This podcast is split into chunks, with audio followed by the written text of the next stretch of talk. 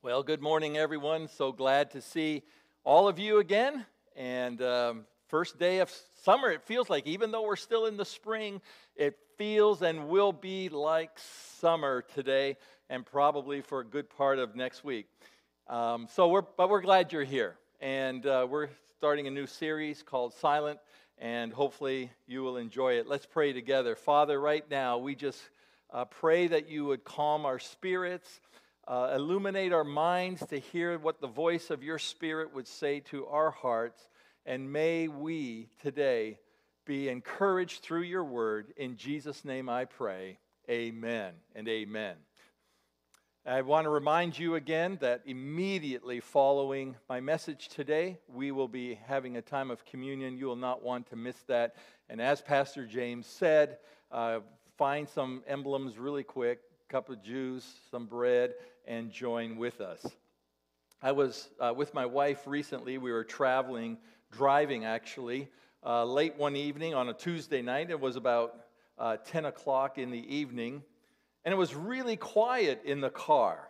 The radio was not on, we were not talking. But I have to be honest with you, I was getting very uncomfortable. In fact, I was so uncomfortable with the silence, I turned to my wife, Gabi, and I said, Okay, it's time for you to say something.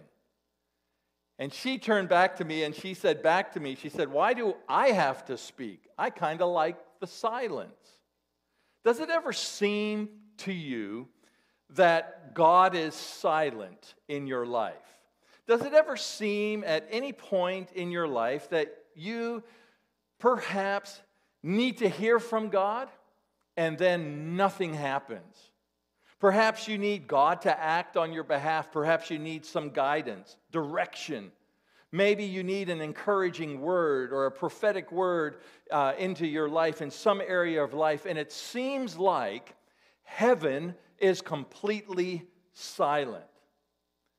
What do you do in the silence? What do you do?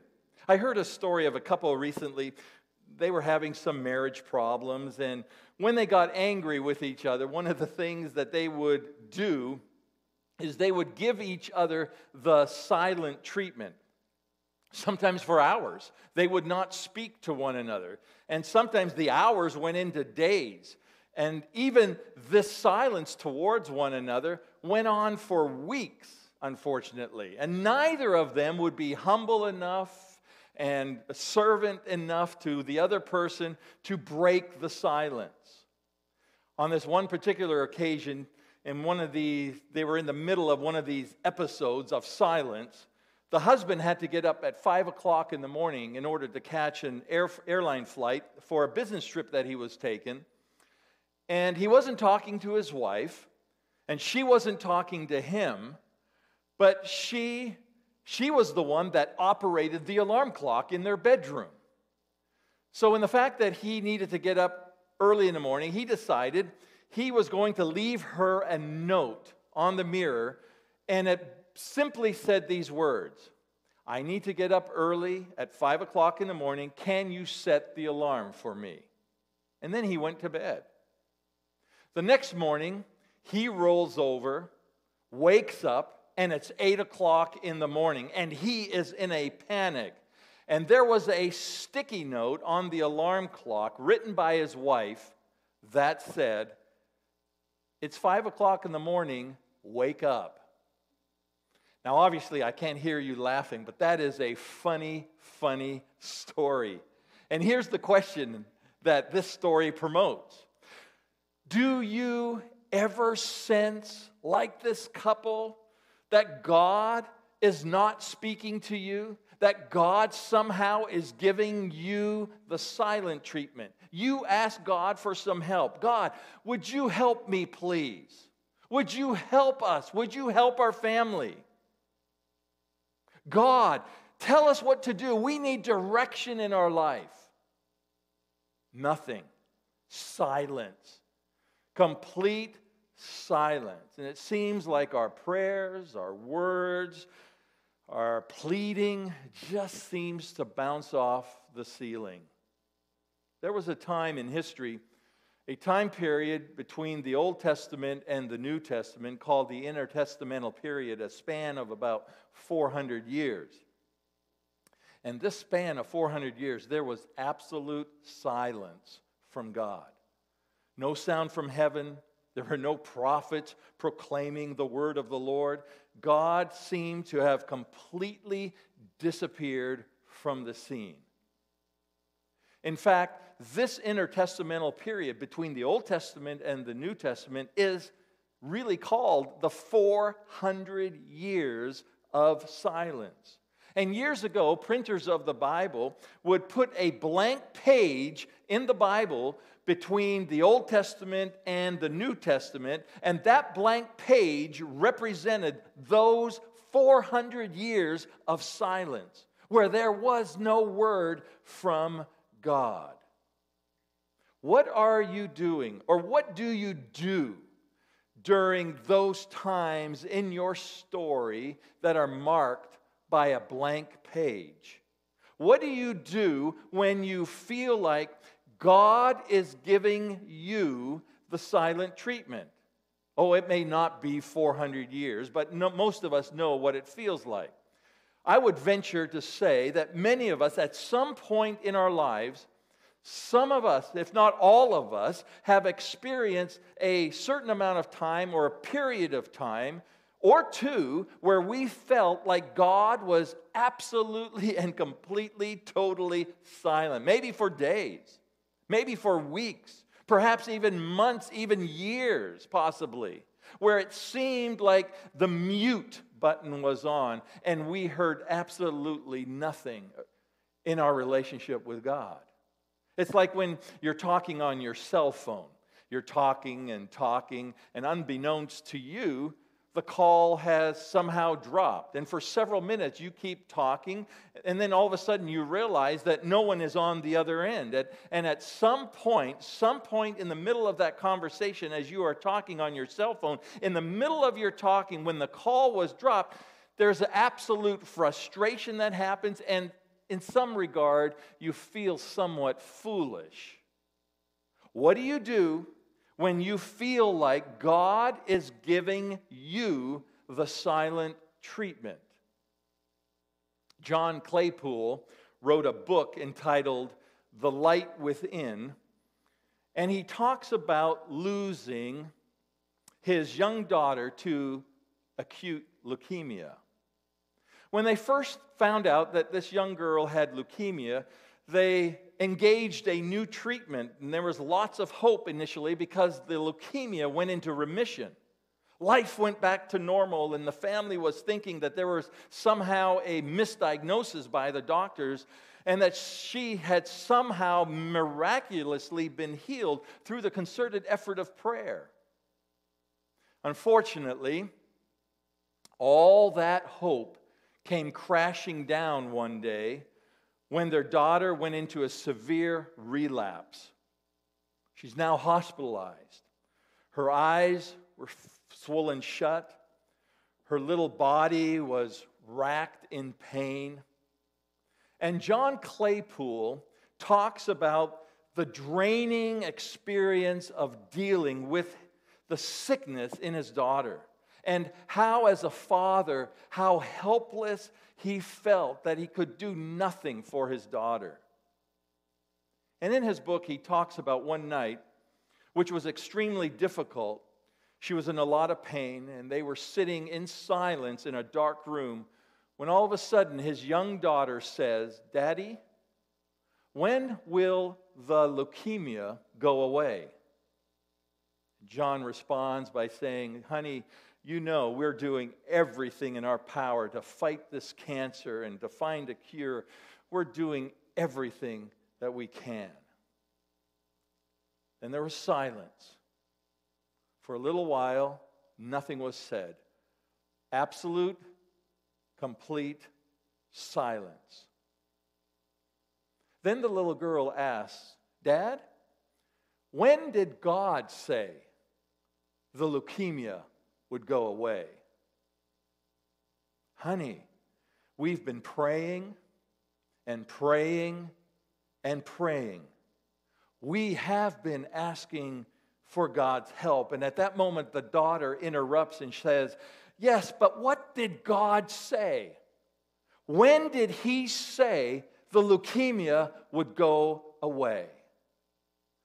And John Claypool writes, and I quote, What do you say to such childlike directness when the heavens seem so utterly silent? How do you feel and how do you deal with that in your own life? In a moment of desperation, perhaps you're going through a trial, you're making decisions, and there are difficult challenges in your life, and you cry out, and it feels like God is completely and totally silent. What do you do when your story is marked by a blank page? What we do, I have discovered, as people, for the most part, as people, we usually ask this question in the midst of the silence when we feel like there is no response from God and we feel like the heavens are absolutely closed to us. What we do, for the most part, as I have found, is we ask God a question. And the question normally and usually is God, why don't you do something? Why don't you do something? And it feels like that somehow when we ask this question, the spirit behind the question is more of a demand. God, you need to do something. You are God. You are the creator. You spoke this world into existence. We are your children, but you're bigger. We know you are bigger and more powerful. You need to do something. So, in the question that we ask, there is somehow a demand. You need to do something, God, about my finances. God, you need to do something about my unemployment situation. God, you need to do something about my savings account. Now would be a really good time to help me and give me wisdom. This is a good time for you to show up. But there's silence. God, why don't you do something about my boss? I am so sick and tired of the constant harassment, the fighting, the bullying, the racism. Silence. God, why don't you do something to the millions of Christians who are facing persecution in the world? Why don't you do something, God? Silence. Listen, my friends, there's no question about it. It's really hard to make sense of this silence. But can I give you three very important truths that you can hang on to during this period of silence, whether you, are wondering whether God, God cares or doesn't care? Can I give you three truths? That maybe can help you through the process of understanding silence when God is absolutely and completely and totally silent? Here's truth number one. Truth number one is this, and you may want to write it down. In the silence, God is still at work. Be reminded of that today. In the silence, God is still at work. Even though God seemed to be completely and totally silent during that intertestamental period that we referred to earlier, the 400 years of silence. God was behind the, st- uh, behind the scene, still accomplishing his purpose. During the 400 years, God was still working. History records it. History records that a common language during this time permeated the then known world. Greek. Greek became the language. It was said during this time that everyone spoke a little Greek. This language was in preparation of Jesus coming. God was working behind the scenes to prepare the world for the birth of his son Jesus. Suddenly, through the language of Greek, the news of the gospel could spread more quickly to all people because there was a common language. During this 400 years of intertestamental period where God was silent, the Old Testament was rewritten from Hebrew into Greek. And suddenly, the entire world had access to the Old Testament writings prophesying the coming of the Messiah to be born in a manger in Bethlehem. And 63 years before the birth of Jesus, when the Romans ruled the world, the Romans established a highway system throughout the entire empire. You say, well, what does that, why is that so important? Why was this, this highway pattern created? Well, it enabled the church to grow rapidly and to spread rapidly with quick travel on these roads. And during this time when the Romans ruled, there was an incredible peace that governed the entire world. And so, with a common language, with peace, and with a, a, highway system that enabled people to travel very quickly, God was preparing during this 400 years for the message of the gospel to spread quickly through the world. 400 years where it seemed like God was doing nothing. Yet, in re- reality, friends, keep this in mind in reality, God was preparing for something that changed everything. In the silence, when people thought the world was silent, when there was no prophetic word going out, God was still at work. And so we need to remember this truth. In those moments in our life where it seems that God is quiet, we sometimes miss that truth that God is still working in quietness in the midst of my chaos, in the midst of the storms that I am going through in life, we sometimes miss the truth that God is working. Perhaps in the chat right now, you can, you can type in these words In the silence, God is still at work. Be reminded of those powerful words. In the silence, God is still at work in the stillness, in the quietness, when you think nothing is going on, God is still working. And the next time that you begin to question or you begin to wonder when heaven seems to be silent, please be reminded of this truth being whispered into your spiritual ears. God is saying to you, I'm still at work, I'm still at work, I'm still at work. He has not left us, friends. He has not abandoned us. He continues to work to accomplish his purposes and to bring about his good in his time in your life. Here's truth number two in the silence, God still keeps his promises. Look what the Bible says in Daniel chapter 2, verse 20 through verse 22. Notice these words important words to understand. He said, Praise the name of the Lord forever and ever, for he has all wisdom and power. He controls the course of world events. He removes kings and sets up other kings. He gives wisdom to the wise and knowledge to the scholars. He reveals deep and mysterious things and knows what lies hidden in darkness, though he is surrounded by light. Do you know these words? These words are prophetic words of what is going to happen in and during the 400 years of silence. What Daniel is describing in Daniel chapter 2 is a prophecy of what God will be doing in the 400 years of silence. In other words, God wrote through the prophet Daniel, God wrote about what would happen before it happened.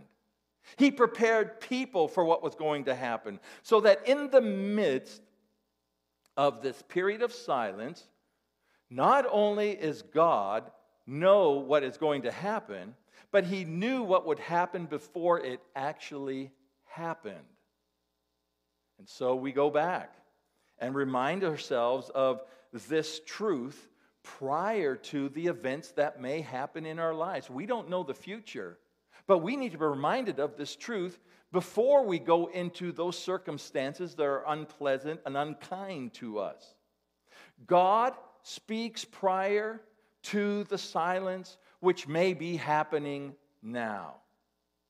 And God has given us promises in His Word. God has spoken in His Word. Even though you may be experiencing now, you need to go back and look at the promises that God has given to us. What He said then is also true now.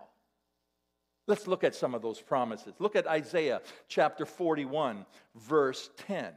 Don't be afraid, for I am with you. Don't be discouraged, for I am your God. I will strengthen you and help you. I will hold you up with my victorious right hand. That's a fantastic promise. Go back and read it. As you are facing perhaps silence now, understand that God has given you an incredible promise in Isaiah chapter 41, verse 10. Look at Jeremiah chapter 29, verse 11. For I know the plans I have for you, says the Lord. They are plans for good and not for disaster, to give you a future and a hope. Romans chapter 8, verse 28. And we know that God works everything to good together, uh, to work together for good of those who love God and are called according to his purpose for them. Philippians chapter 1, verse 6. And I am certain that God, who began the good work within you, will continue his work until it is finally finished on the day when Christ Jesus returns. And Revelations chapter 21, verse 4 and 5. He will wipe away every tear from their eyes, and there will be no more death, no more sorrow, no more crying or pain. All these things are gone forever. And the one sitting on the throne said, Look, I am making everything new. And then he said to me, Write this down, for what I tell you is trustworthy and true. Oh, friends, those are promises for us. Those are promises that God has made. And when you experience the silence that maybe you are experiencing, it is time to go back and read God's word, read the Bible, and listen and hear the promises again and be reminded what He said then and what is true and was true then is also true now. So, can I encourage you today to hold on to the promises because the day is coming. And the day is coming in the very few, near future when things will become new. The day is coming when the silence will end.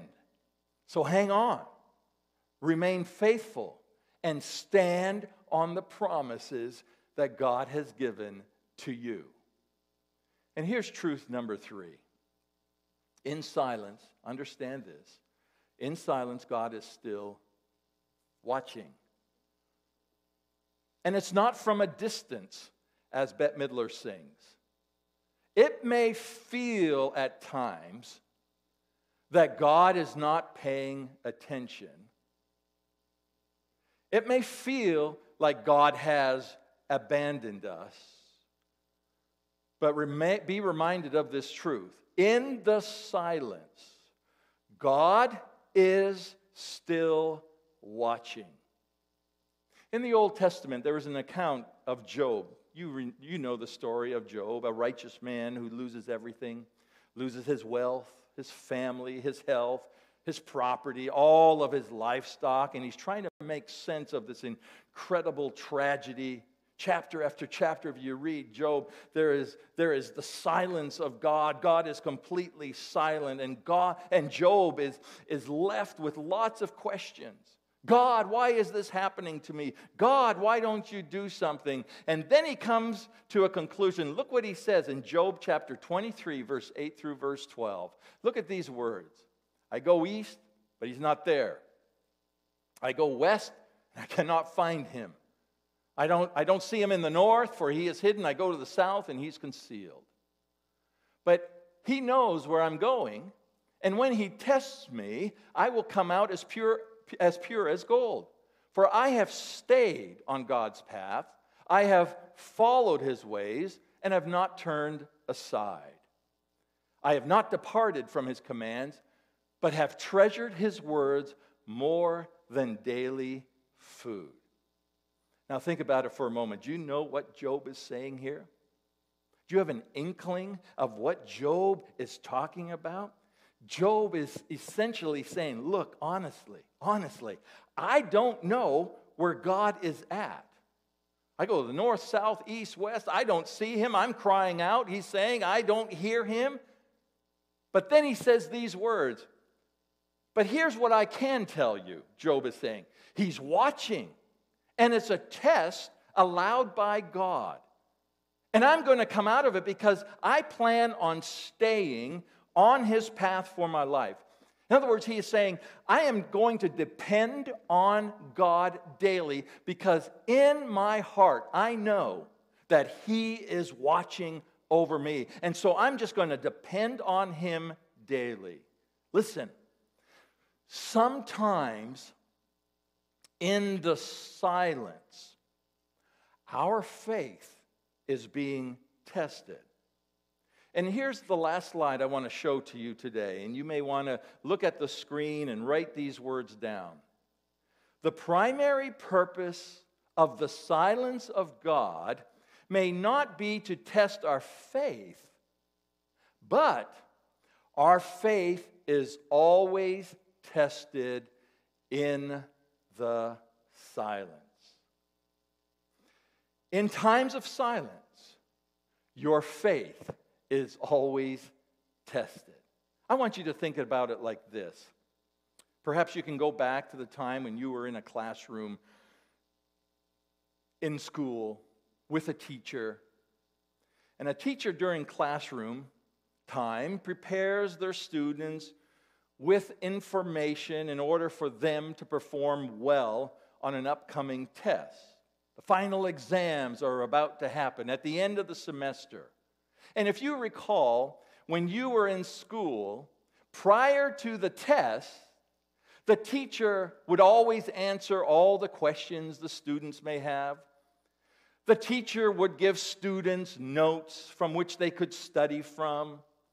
The teacher in the classroom would instruct verbally during the class time.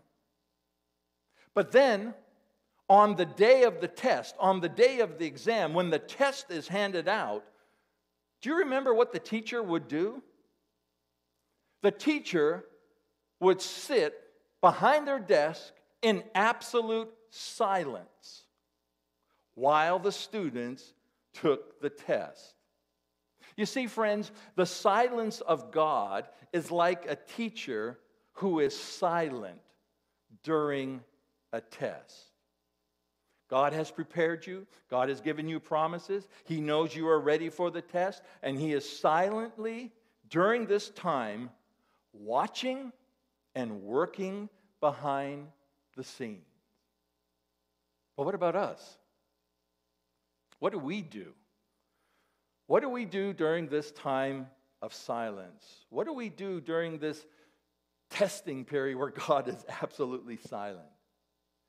Friends, this is what you do you remain faithful, you stay the course to the very, very end.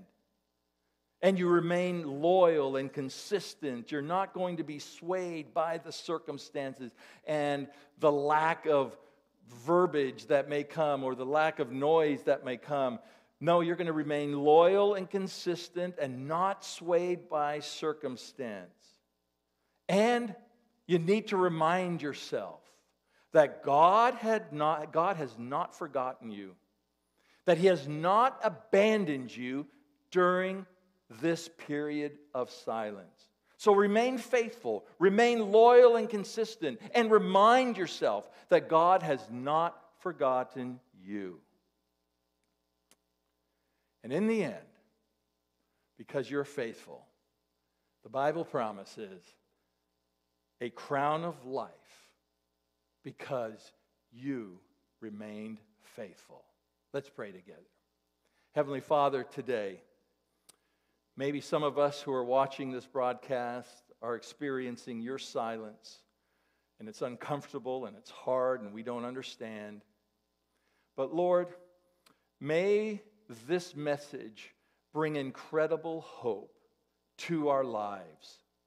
That in those moments when we feel like nothing is going on and we're wondering where you are, may we remember these truths and may they come to fruition in our memory and in our hearts so that we can remain faithful to you, Lord, just like Job did. Father, I pray, uh, pray for all of us today that we would embrace the truth of your message to us today and live by it as a firm foundation for our lives. In Jesus' name I pray. And all of God's people said, Amen and amen.